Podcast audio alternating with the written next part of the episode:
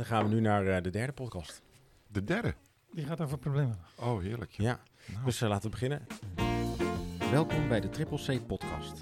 Een podcast waarin Dick van der Weert, Hans van Wouwen en ik, Sebastian ten Hoven, het gesprek aangaan over Triple C. Elke podcastaflevering bespreken we één onderdeel. Dit keer probleemgedrag als uiting van onvervulde menselijke behoeften. Triple C. Welkom, Dick en Hans, voor de Dank derde podcast. Ehm, we hebben de vorige keer bedacht dat we het gaan hebben over probleemgedrag als uiting van onvervulde menselijke behoeften. zeker. Correct. En voordat we weer de inhoud ingaan, eh, we gaan het vandaag, eh, we gaan anekdotes, of jullie gaan anekdotes vertellen. Er, ko- komt ook weer een vraag voorbij. We hebben nog geen mail ontvangen, want deze podcast nemen we weer op voordat we live zijn. Dus we moeten zelf maar even een vraag Mhm. insturen naar onszelf. Opvattingen en misvattingen komen voorbij. Eh, waar we jullie het nog meer over hebben voordat we de inhoud eh, ingaan, over probleemgedrag, Misschien over de term zelf. over de term zelf. Ja. Mensen vinden het soms een ouderwetse term, probleemgedrag. Oh en, ja. en er wordt in, eh, heel, vaak genoemd over, heel vaak gesproken over moeilijk verstaanbaar gedrag. Of over onbegrepen gedrag. Ja. Of over... Signaalgedrag. Nou kijk, oh, ik vind, wij vinden het eigenlijk niet zo moeilijk verstaanbaar en niet zo onbegrijpelijk gedrag Mhm. als je goed naar de context kijkt. En, Ja, ja. en ons model is natuurlijk heel erg gebaseerd op de omgeving, op de context. Die omgeving kunnen wij beïnvloeden. Ja, Als je soms ziet in wat voor omgeving eh, cliënten met probleemgedrag ver- vertoeven, ja, dan is het helemaal niet zo onbegrijpelijk dat ze dat doen wat ze doen. precies. Dus vandaar dat wij dat niet zo'n eh, lastige term vinden. En daarnaast betekent het woord probleem. eh, in het Latijn is het woord problema, betekent opgave. Ja. En juist omdat wij ons op, ons op die omgeving en op die context richten, zeggen wij van nou, dat probleemgedrag is dus een opgave voor ons. Voor ons als begeleiders, voor ons als eh, behandelaren, Ja. voor de omgeving, zeg maar. Ja, ja, ja. Mooie ja, opgave, mooie uitdaging zou je kunnen zeggen. Heel goed. Ja, nee, dat, eh, dat hebben we in de eerste Dus ik heb geen moeite met de term probleemgedrag. Nee, nee, dus we gaan, we hanteren gewoon probleemgedrag inderdaad. Zeker. Eh, Dick, jij zei de vorige keer ook dat dat... het- we hebben een plaatje van Ja. het probleemgedrag in het eh Triple C-boek tot hier en verder. Zeker. En Ja. dat is het meest gebruikte model, zei je? Of? Ja, dat Eh. is het meest gebruikte plaatje in eh, Nederland. Mensen noemen dat dan, we gaan een ijsbergje maken. Ja, Maar ik vind dat ook het meest gecompliceerde plaatje. Want, Want? dat stelt voor mij dat je eigenlijk het model door en door moet kennen. ja, Want het gaat over die onvervulde menselijke behoeften. En ik denk maar, als je voortdurend met die ijsberg bezig bent, ja, ben je volgens mij onbewust toch veel te veel bezig met dat probleemgedrag. En minder gericht op die menselijke behoeften. ja. Maar, sorry hoor, maar even tussendoor. Het, het is een podcast, dus mensen die de Ja. boek niet hebben... Misschien Ja. moeten we de ijsberg even toelichten wat, dan op het, eh, wat, wat er staat op het, Eh, eh, in, in het Nou, het is een plaatje van een ijsberg. Ja, En laat ik maar zeggen, één negende deel van die ijsberg, die steekt boven water. ja, En op die één negende deel staat eh, probleemgedrag. Ja. En dan zie je de waterlijn. En dan zie je net onder die waterlijn, zie je staan onvervulde menselijke behoeften. mhm, En als je dan nog weer ietsje dieper naar beneden gaat, dan zie je daar twee kolommen. ja, Eén is eh, belemmeringen de persoon. Dus wat zit er nou in die mens? Bijvoorbeeld verstandelijke beperking of gehechtheidsproblemen mhm. of autisme. Aan de andere kant staat de belemmering in de omgeving. Eh, Er kunnen zijn eh, team, kan zijn eh, organisatieopvattingen, kan zijn begeleiders. Kan zijn hoe werk je samen als orthopedagoog, manager, teamleider. Maar het kan ook zijn vanuit welke denkbeelden kijk je eigenlijk naar eh, die cliënt. ja, En vaak maken we wel een, een mooi kolommetje over wat zien we nou eigenlijk voor probleemgedrag. Wat zit er in die cliënt? ja, Ja, dan denk ik, dan moeten we ook het stapje maken naar aan welke behoeften van die cliënt komen we nou eigenlijk niet toe. Waardoor dat probleemgedrag ontstaat. Maar ook durf je een analyse te maken van de omgeving. Wat Hans net zei over in wat voor omstandigheden mensen vertoeven. Nou, dan kun je natuurlijk ook kijken naar eh, hoe is de samenstelling van je team. ja, wat is de richting die wordt gegeven. Ja, dan krijg je een veel completer beeld. ja, ja. En ik zie dat dat over het algemeen onvoldoende gebeurt om die hele ijsberg te maken. Want het is natuurlijk wel confronterend, hè? Dat je opeens naar jezelf moet gaan kijken. ja. En mensen zeggen, ja, doen we het dan fout? Nou, het is meer een bewustwording van, hoe vul je nou die menselijke behoeften aan? Ja, ja, Dus dan denk ik, concentreer je nou op die behoefte. Kijk door de bril van behoefte. En Mhm. kijk minder door de bril van welk probleemgedrag zie ik. Maar die ijsberg is daar ook eigenlijk precies voor bedoeld. Hè? Die, er staan allerlei dingen in die ijsberg. Wat voor belemmering in de persoon, belemmering in de omgeving. Kan je allemaal gaan opzommen, maar dat hoeft Ja. helemaal niet. Het, ga, het gaat erom dat je je realiseert dat al die dingen geen rechtstreeks eh, oorzaak van probleemgedrag zijn. Nee. Maar dat het de oorzaak ervan zijn dat die behoeften niet vervuld worden. Vervolgens kun je de stap maken. Nou, laten we dan eens kijken welke behoeften er niet vervuld worden. Mhm, mhm. En dan zit je weer eh, bij de behoeften en bij de gehechtheid en bij de eh, Ja. betekenisvolle daginvulling, et cetera. Ja. Maar eh, je, je, je stipt net iets eh, interessants aan, eh, Dick. Ja, dat- alles is interessant. Maar ik, eh, want ik moet even ook weer terugdenken aan eigenlijk de eerste aflevering en het ontstaan van, eh van Triple C. Want eh, eigenlijk in de jaren eh 70, 80, zo gezegd, was er een heel andere manier van kijken naar cliënten. En een andere manier van, van behandelen. Hè? En Mhm. met, eh, met, met, met, met de constatering van ja, het zou ook anders kunnen, is eigenlijk Triple C, eh, Mhm. het, het zaadje van Triple C eh, geplant. Ehm, maar eh, je, je wil niet zeggen dat, dat we het dan fout deden in de jaren 70 of 80. Of dat, dat, dat mensen opzettelijk kwaadwillend, kwaadwillend waren, toch? Nee, kijk, eh, achteraf kun je natuurlijk altijd heel gemakkelijk zeggen dat iets beter had gekund of anders had gemoeten. Maar Ja. er is natuurlijk eh, qua intenties nooit iets mis geweest. Nee. En, en het feit dat er, dat er in die jaren, eh, toen wij ook dachten van jongens, maar dit is niet meer menswaardig wat we hier aan het doen zijn met sommige cliënten in Nederland. Dat, dat is no- nooit, nooit bedoeld geweest om mensen uit te schakelen of af te serveren of wat dan ook. Maar ze werden wel uitgeschakeld. Ja. Dus, en dat kwam door nou ja, wat we handelingsverlegenheid noemen. Ja. Mensen zaten met de handen in het haar, met sommige hele agressieve, ingewikkelde, complexe eh, eh, problematiek. Ja, Wisten niet meer hoe ze dat moesten oplossen. En vervallen dan in een, in een, in een soort beheersmatigheid ja, die je eigenlijk niet wilt. Waarvan je achteraf zegt, had je anders kunnen denken op dat moment en had je anders kunnen kijken. Ja, dan had je waarschijnlijk ook anders gedaan. ja. Maar, Maar- tegelijkertijd, dat, zit, dat zat denk ik ook gewoon in de, in de maatschappij. Zat hè? in de maatschappij. Zeker. Ja, want Zeker. op, op scholen, eh, ik, ik ben van 1978, dus dat ik wil niet zeggen dat. Maar oh, als je kijkt naar hoe wij naar school gingen, hè, en da- dan was het veel beheersmatiger dan dat het nu is. Ja. Hè, dus eh, je, je dient te luisteren en eh, als je iets doet wat niet eh, in de pas is, dan, dan krijg je straf. Ja. Hè, dus de straffen en beheersen. Ja. Dus dat, dat is niet alleen maar in de gehandicaptenzorg zo, maar voor- Ja. dat zou misschien ook wel in andere sectoren zo. Hè, dat is dus Ja, gewoon. ja, dus misschien wel, je noemt nu het woord straf. Dus misschien is het in het kader van het probleemgedrag eh, wel goed om daar ook even over te hebben. Ah, Eh, want er wordt natuurlijk heel, heel vaak eh, voorwaardelijke dingen gedaan. Wij zeggen wel, onze begeleiding moet onvoorwaardelijk zijn. Ja. Maar je ziet natuurlijk heel veel eh, plekken waar mensen zeggen van ja, als jij dat doet, dan. Dus dan zitten allerlei voorwaarden in, Ja. aan het gedrag van of in de opvoeding van kinderen of in de begeleiding van mensen met een verstandelijke beperking. Precies. En als je niet zus, dan gaan we niet eh, hè, iets leuks doen. Ja. Enzovoort. Of als je niet dat doet, dan ga je maar eventjes eh, op je stoeltje in de, in de gang zitten, op je Ja. naughty chair of wat dan ook. Hè. Ja, Ehm, ja, dat is natuurlijk zo fout als maar kan in onze beleving. ja, ja. En er is ook op, eh, dat is ook wel interessant. Wetenschappelijk gezien is er ook nog nooit bewijs geleverd dat straffen eh, helpt. Mhm. Mensen doen het wel, uit onmacht. Maar er is nog nooit eh, een bewijs op tafel gekomen dat straffen helpt om iemand beter gedrag te laten vertonen. Ja, ja, ja. ja, behalve dan dat ze misschien geen. dat je, dat je het. ja, wat is wetenschappelijk, hè? Dus dat je, dat je het ziet, hè? De, dat mensen Ja, zou het gedrag kunnen- niet meer vertonen. Sommige maar, dingen kunnen dan afnemen, maar dan kom ik even terug bij die ijsberg. Dan Ja. neemt het topje van die ijsberg, dan ga je dan een stukje af. Ja, En dan komt er dus een ander eh, topje bovendrijven, zeg maar. Hè? Of een ander, ander stuk komt er dan bovendrijven. je vervult Is weer een eigenlijk. ander probleemgedrag, want je vervult die behoefte niet. Nee, precies. Integendeel, je, je doet tekort aan die behoefte. Ja, en je onderdrukt. Dus je maakt het nog erger. Ja, en je onderdrukt de uiting van, eh, van, Ja. van ongenoegen eigenlijk. Ja. Ik wilde even een link leggen naar van dat, eh, dat, we vroeger eigenlijk vanuit een andere traditie bezig zijn geweest. En dat, eh, dat is een link naar wat jij zei, eh, Dick. Dat sommige mensen of organisaties ook met, dat, met die ijsberg aan de gang zijn gegaan. Maar dan ook vanuit een bepaalde traditie handelen natuurlijk. En dat, het is best een, een, een switch om van dan die traditie ineens over te gaan naar kijken naar menselijke behoeften. Zeker. Dat is niet zo eenvoudig, lijkt mij.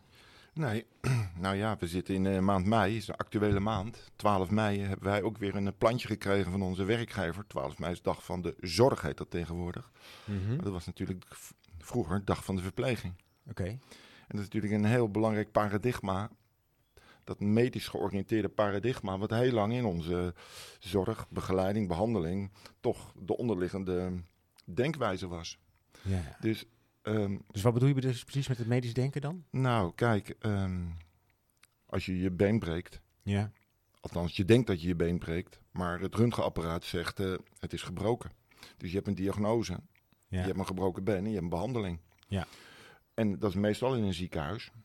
Eh, heb je een wond, dan komt, de, dan komt de verpleegkundige die wond verbinden. Ja. Maar bij probleemgedrag, op het moment dat je het pas ziet, in mijn optiek ben je eigenlijk te laat. Heb je veel signalen gemist. Ja, ja. En dat medisch denken, ik denk dat dat met in de tijd van Jolande Venema eigenlijk te veel naar boven kwam. Dat de rijkwijde Mhm. van zorgen voor en zorgen dat, dat we dat bereikt hadden. Ja, En dat dat medisch is- denken leidt natuurlijk tot het eh, bestrijden van symptomen in eerste Exact. instantie. Dat. En, dat, En wij zeggen van ja, maar die symptomen die komen ergens vandaan. Ja. Ja. en eh, medisch paradigma is heel goed in een ziekenhuis. Ja. Maar niet hier, zeker in die orthopedagogische begeleiding, die veel van onze mensen die hier wonen nodig hebben. Ja. Ja. Dus eh, ik, ik ben van origine verpleegkundige. Ja. Dus ik waardeer dat medisch paradigma. Ja. Maar we hebben ook ander paradigma nodig om die zorg eh, van grotere rijkwijde te voorzien. Ja. Oké. Ja. Nou is het woord paradigma, weet ik niet of alle podcastluisteraars daar nou Oh, ik- begrijpen. Heb je daar ook een Latijnse vertaling van, eh, net als eh Nou, problema? Ja. Nou, dat is het wel. Het, het is gewoon een stelsel van... eh, Het is een manier van, het is, het is een, manier van kijken en, eh, en denken. Of, Ja. eh, dus eigenlijk de bril die je opzet. Ja, precies. wetenschappelijke opvattingen, de- wat ons denken en kijken en uiteindelijk ons handelen bepaalt. Hè? Ja. Zo moet je het eigenlijk zien. Ja, ja, precies. Dus het is, het is echt een paradigma shift. Ja. Waarbij, want ik, de, de link, eh, ik zie ook een link met eh, innovatietrajecten die ik natuurlijk eh, afgelopen jaren veel heb gedaan. En daarin gaat het vaak ook over een paradigma shift. En de grootste uitdaging bij zo'n innovatie is niet zozeer het innovatieve, want dat, dat is of al een keer bedacht of dat is niet zo baanbrekend. Alleen Mhm. de uitdaging is het, het toepassen en de processen aanpassen, je werkwijze aanpassen. Want eh, vaak voelt dat dan voor mensen als een afkeuring voor wat ze al jaren hebben gedaan. Hè, dus als je zegt van nou, dit, dit is op Ja. deze manier kunnen we, het- kunnen we het beter doen. Of dan, dan hebben mensen het gevoel van ja, maar dan heb ik dus de afgelopen 10, 15 jaar heb ik, heb ik het fout gedaan. Wat helemaal niet zo is. Hè, we zijn samen wijzer geworden, we zijn tot nieuwe inzichten gekomen en Ja. komen nu tot de conclusie, laten we het anders En, doen. en er is ook heel veel geïnvesteerd in die manier van kijken en denken dan. Hè? Ze hebben altijd ontzettend hun best gedaan op Ja. die, om, met die manier. Precies. En, eh, dus het is ook heel moeilijk te geloven dat je dan met een andere manier van kijken dat het misschien makkelijker wordt, zeg maar. Ja, Ik, wij hebben dat in het begin heel vaak gehad, dat ze zeiden van ja, eh, maar zo simpel kan het toch niet zijn, Hans? Als het zo simpel was, dan deed iedereen dat toch al lang. ja, Maar dat is dus niet zo. Het is qua uitgangspunten simpel, ja, maar het is natuurlijk een eenvoudig. Hè? Dat, we noemden het eh, ook wel de kracht van de eenvoud. ja, Dus het is eigenlijk eenvoudige uitgangspunten, ja, logische uitgangspunten. ja. Maar om ze toe te passen in de praktijk is het niet altijd even simpel. Want wat is, dan, het- wat is dan niet zo simpel? Wat is nou het moeilijkste in het toepassen daarvan? eh, van het model. Nou, de uitvoering lijkt simpel, Mhm. maar, puntje, puntje, puntje, als je dus vanuit een ander paradigma, vanuit een andere denkwijze handelt dan wat eigenlijk het onderliggende paradigma is van het triple C-model, Ja, menswaarde, menselijke behoeften, en je denkt daar niet vanuit, maar je denkt vanuit stoornissen en eh, problemen en labels, ja, ja, dan wordt deze methodiek gewoon een vorm waarmee je opnieuw gaat vastlopen. een trucje. Een trucje. En Ja. dan gaan mensen zeggen, ja, het model past niet. Het model klopt niet. Nee, Ja. het model past niet in mijn denken. Dus je moet het eigenlijk, je moet loslaten wat je eerder hebt. de- ja, je, je, je Ja. eerdere denkwijze moet je eigenlijk loslaten dan. Nou ja, het woord loslaten gebruiken wij nooit zo. Oh. Maar je zou ruimte kunnen geven aan anders denken. En niet wat wij zeggen veranderen, maar een verlangen. Heb je een ontwikkelverlangen? Ja, Heb je een ontwikkelverlangen dat het op termijn met deze cliënt beter gaat. Dat Mhm. de omstandigheden menswaardiger worden. En dat zien we natuurlijk wel heel vaak in onze trainingen. Mensen willen graag, maar weten niet hoe. Mhm. En daarom eh, starten wij meestal met wat eh, vagere, abstracte dingen. Waarden, Ja. dat is abstracter. Ja. Is niks anders het verkennen van, van waaruit denk jij. Want begin je concreet, Mhm. ja, dan gaan mensen geheid vastlopen. Ja, precies. Want dan, dan ga je gelijk een trucje in. eh trucje Exact, in. Ja. exact. En dan wordt triple C een dingetje. En dan Ja. moet je dus een ander trucje doen dan je altijd al deed. En Ja. dan denk je, ja, waarom heb ik het dan fout gedaan? Ja, dat is, precies. dat is Ja. niet de bedoeling. Ja. Nee, het is echt Maar anders als je, kijken. anders gaat, als je eerst met elkaar anders gaat denken, ga je, ga je het ook logisch vinden om de, op een gegeven moment anders dingen te gaan doen. Precies. En je hoort mensen in de training, oh ja, oh ja, En dan- oh zit dat zo. en dan Oh, willen mensen in plaats van dat ze moeten, zeg maar. Ja. Je, moet, je moet niet veranderen, maar je wilt ontwikkelen. Ja, Dat is het eh, Ja. hele eiereten, denk ik. en er is geen noodzaak, maar er is een verlangen. ja. Nou, nou dat, het zit hem ook in de woorden, inderdaad. Zeker.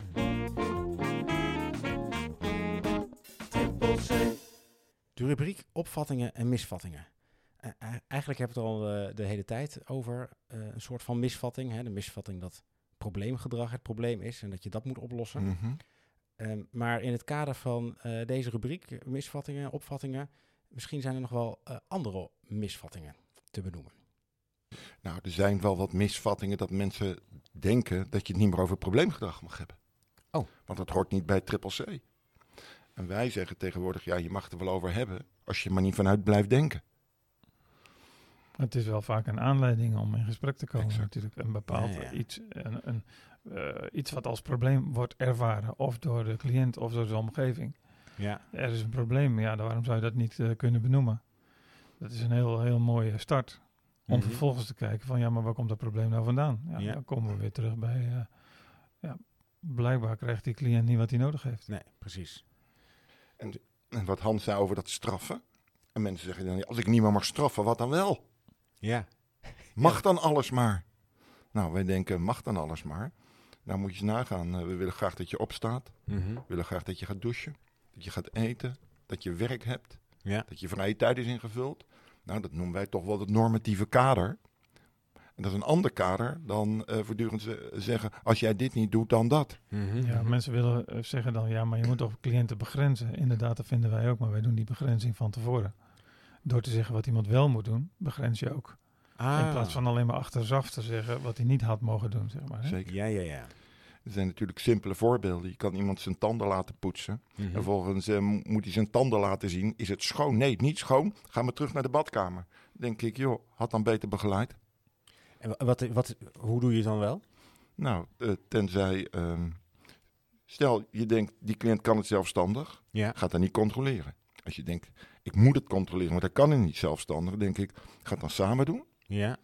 En misschien in uitzonderlijke gevallen poets dan voor. Zodat die cliënt kan napoetsen. Ja. In plaats van, cliënt heeft gepoetst, laat maar zien. Nee, het is niet schoon. Ik poets wel na. Oh ja, ja, Dan ja. denk ik, ja, Voorpoetsen, ja. die, die variant die kende ik nog Kan je niet. bij je kinderen ook doen, eh ja, ja. Ja. dus hoe geef je nou iemand een beter gevoel? Nou, bijvoorbeeld, eh, je laat eerst je zoon de auto wassen. Ja. En vervolgens ga je hem helemaal nawassen. ja. Nou, dan denkt jouw zoon denk ik ook op termijn van, nou, laat maar zitten. maar zitten, want ja. het is toch niet goed. Nee, doe het zelf maar. Exact. Dat deed je toch al, ja. Ja. ja. precies. Oké, dus je, je mag het, eh, over die misvatting, je mag het gewoon over probleemgedrag hebben. Als je, Ja, maar we hebben het liever niet over. We gaan liever niet achteraf corrigeren. Dat is eigenlijk het punt nu. Ja. Precies. En, en meer vooraf duidelijk maken wat, je, wat wel wenselijk is. Ja. Kijk, als jij hier aan mijn tafel eh, drie microfoons neerzet en, en, en een hele apparatuur, dan geef je eigenlijk aan wat hier moet gebeuren. Ik Ja. word geacht achter die microfoon te zitten. Ja. Dat is ook een begrenzing. ja. Je wil niet dat ik nu wegloop, eh, de gang op en koffie ga halen naar de toilet dan tussendoor enzovoort, als dat niet nodig is. ja. Maar je, dat hoef jij mij niet voor te straffen. Nee, je hebt van tevoren die hele duidelijke grenzen aangegeven. Ja. En daar ga ik me gewoon aan houden. En stel nou dat jij wel de hele tijd wegloopt om koffie te halen. Ja, dan zeg je dat je dat jammer vindt dat ik dat doe. Ja. En dat, je het pret, dat het belangrijk is en prettiger is om hier samen te zitten. Want we zitten hier samen te werken. Ja. En dat zeg je dan niet als ik terugkom, maar als je op het moment dat ik al ga. Dat je Dan zeg je, hey Hans, waar ga jij naartoe joh? Ja. We zitten toch eh, een podcast hier op te nemen. Ja. Ja. En Dan dan ben je, een beetje op tijd en niet achteraf. En dan eens kijken wat voor straf zullen we daarbij bedenken. Ja, ja, ja, ja. kijk, en dat zie je natuurlijk in de praktijk wel gebeuren. Dat Mhm. mensen zeggen, ja, maar ik ben geen robot, ik. Nee, dat klopt. Maar je mag toch wel ongeveer hetzelfde vinden wat een cliënt wel en niet mag. Ja. Of moet die cliënt de hele tijd lopen gokken. En je maakt hem eigenlijk gokverslaafd. Van jou mag ik het wel, van jou mag ik het niet. Van jou mag ik het wel, van jou mag ik het niet. Hè? Mhm. Van jou mag ik één boterham, van jou mag ik drie boterhammen. Van jou mag ik onbeperkt eten. denk je, joh, wees nou concreet. Gaat het nou om mijn waarden en normen? Ja, Of gaat het over die vraag van die cliënt? ja. Ik denk dat daar trouwens ook nog heel veel ruimte ligt voor eh, ontwikkeling in de praktijk. Hoe bedoel je? Nou, beter afstemmen op de vraag van die cliënt. Ja. En niet voortdurend uitgaan eh, wat die begeleider belangrijk vindt. Mhm. Maar wat die begeleider, wat we met elkaar afgesproken hebben, wat be- belangrijk is voor die cliënt, dat is een begeleidingsvraag. Ja. En dan heb je ook weer die onvervulde menselijke behoeften. Mhm. Want ieder zal in zijn dienst betrouwbaar zijn. Maar het moet geen individuele betrouwbaar zijn, betrouwbaarheid zijn, maar het moet collectieve betrouwbaarheid Precies. zijn. Het ga- Zodat de houvast ontstaat bij al die acht, negen begeleiders. Misschien is dat interessant voor een andere podcast. Wie Want weet. Hoe ga je dat dan in, in het team eh, voor elkaar krijgen? Dat je allemaal vanuit dezelfde bril kijkt en dezelfde waarden en normen hanteert. Mhm. Laten we dat dan maar eens in het thema verbindend organiseren doen. Verbindend op. Ik schrijf hem op. Maar dat heeft hier wel mee te maken. Anekdotes. Jullie zitten vol met eh goede, goede anekdotes en ervaringen uit de praktijk. Nou, dat is uit mijn eigen praktijk. Oké. Dat is lang geleden. Mhm. Dat was Hans uh, orthopedagoog. Dus ik praat denk ik over 1994. Oké. Vorige eeuw. Vorige, ja, Ja. nou ja, voor mij eh, maakt het niet uit. Klinkt, klinkt gelijk veel verder weg. Daar, we hadden, ik begeleid een cliënt, niet ik, maar een team van acht, negen mensen. En die jongen die luisterde pas naar drie waarschuwingen. En eh, daar werd ik, werd ik wat gefrustreerd van. Tot ik naar Hans toe ging, zei die man die luistert pas naar drie waarschuwingen. Zegt hij, ja, maar kijk nou eens in zijn ondersteuningsplan. Mhm. Daar staat dat hij naar drie waarschuwingen moet luisteren. Waarom geef je niet gewoon eh, duidelijk van, joh, dit verwachten we van je? ja, en eh, gek maar waar, uitgevoerd. En frustratie bij iedereen weg. Die, Oh. jongen, die jongen deed wat, wat, wat we vroegen. Maar hoezo uitgevoerd? Wat bedoel je? Nou ja, wil je blijven zitten alsjeblieft? En bij drie waarschuwingen moest je altijd even van tafel af. Ja. Maar nu hebben we gewoon gezegd, blijf je alsjeblieft zitten. Mhm. En eh eet op, niks, geen waarschuwingen meer. Niet wachten tot hij zo eerst wegliep en dan er wat van zeggen. Eigenlijk hetzelfde wat ik net Ja. zei. Oké. Vooraf, eh, Ja. gren- vooraf Ja. begrenzen. Want mijn norm is wel, was toen, en dat is nog wel, als ik toch wat vraag, luister dan naar één keer. Ja. En deze man tartte waarschijnlijk mijn allergie. Die luisterde pas naar drie keer, maar dat was ook de afspraak.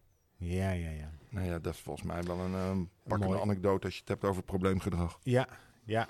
Ja, en, dan, eh, en dan is het eigenlijk ook geen probleemgedrag meer. Hè? Dan is het gewoon, eh, nou ja, wat is het? Gewoon Dat is omgang. een reactie op wat de omgeving eh, Nou, Ja. verzonnen heeft. Ja. eh, En ook gewoon omgang met elkaar. Van, ja. Ja. dus als, Zeker. als iemand opstaat van, oh, ga je weg? Waarom ga je weg? Blijf Ja. even zitten. nou, je kunt ook denken, wij hebben gewoon dat gedrag voortdurend bekrachtigd.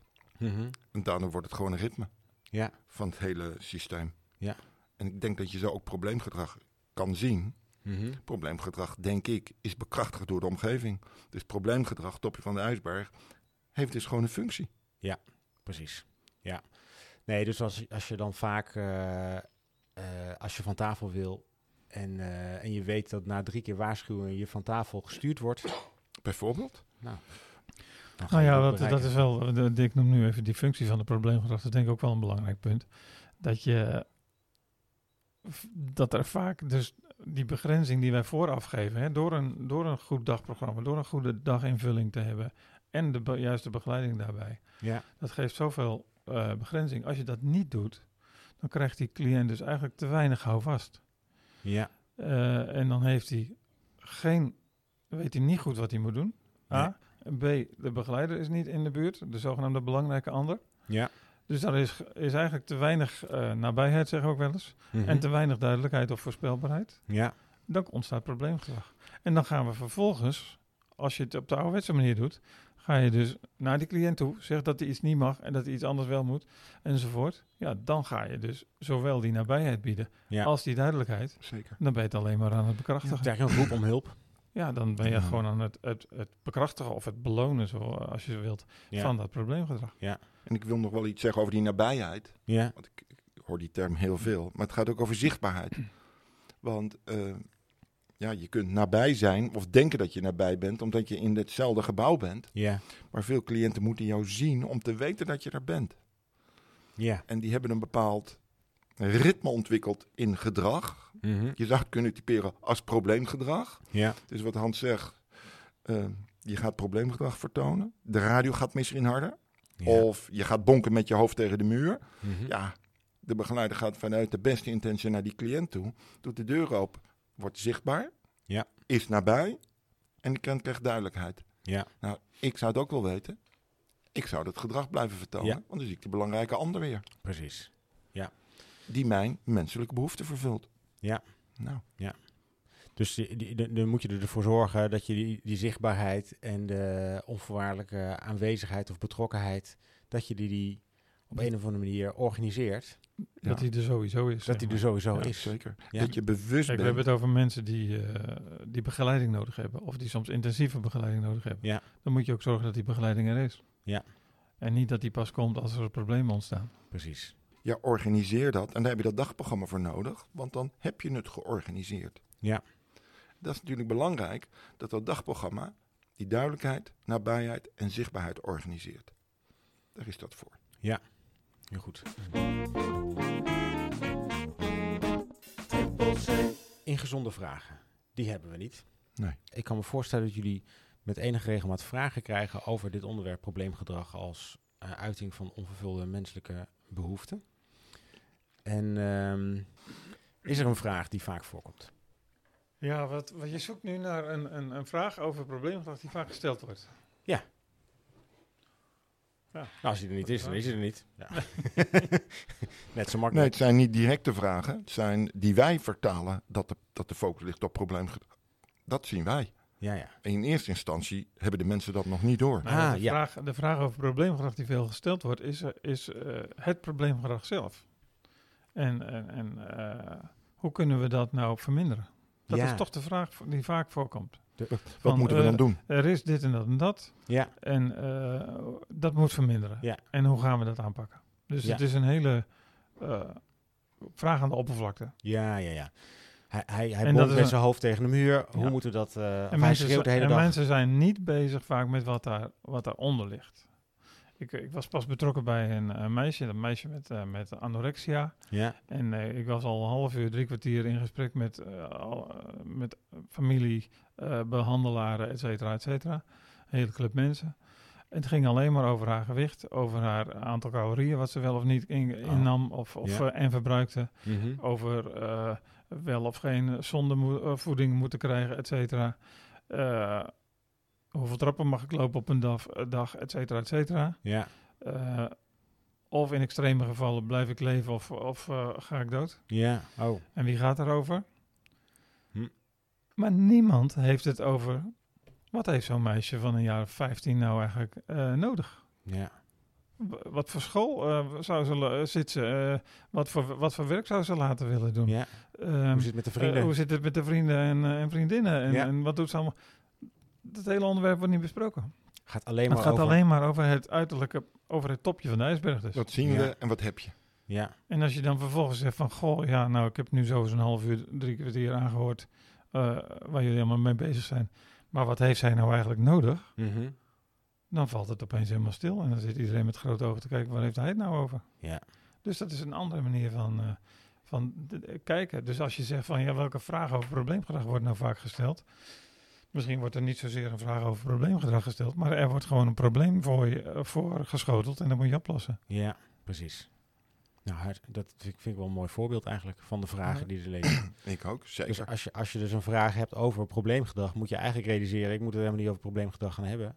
Of over, over dat topje van de ijsberg. Het topje is de ijsberg is de vorm. Ja, precies. En je moet het eigenlijk veel meer over Ja, wel. dat is dat symptoom waar je Exact. waar het niet zoveel zinvol heeft, eh, niet, zoveel, niet zoveel zin heeft om daar eh, mee aan de slag te gaan. Nou, Ja. En misschien wel in de, dit meer vanuit een medisch, psychologische norm wordt ernaar gekeken. Ja, En Hans kijkt vanuit een orthopedagogische norm. ja, En dan krijg je dus, een andere, krijg je dus andere vragen. En dan zie je eigenlijk dat mensen ja, die daar eigenlijk elke dag mee omgaan, eigenlijk een soort handelingsbe- onbekwaam worden. Ja, Die raken handelingsverlegen, ja. omdat ze die vraag waarschijnlijk nooit aan elkaar stellen. Nee, nee, precies.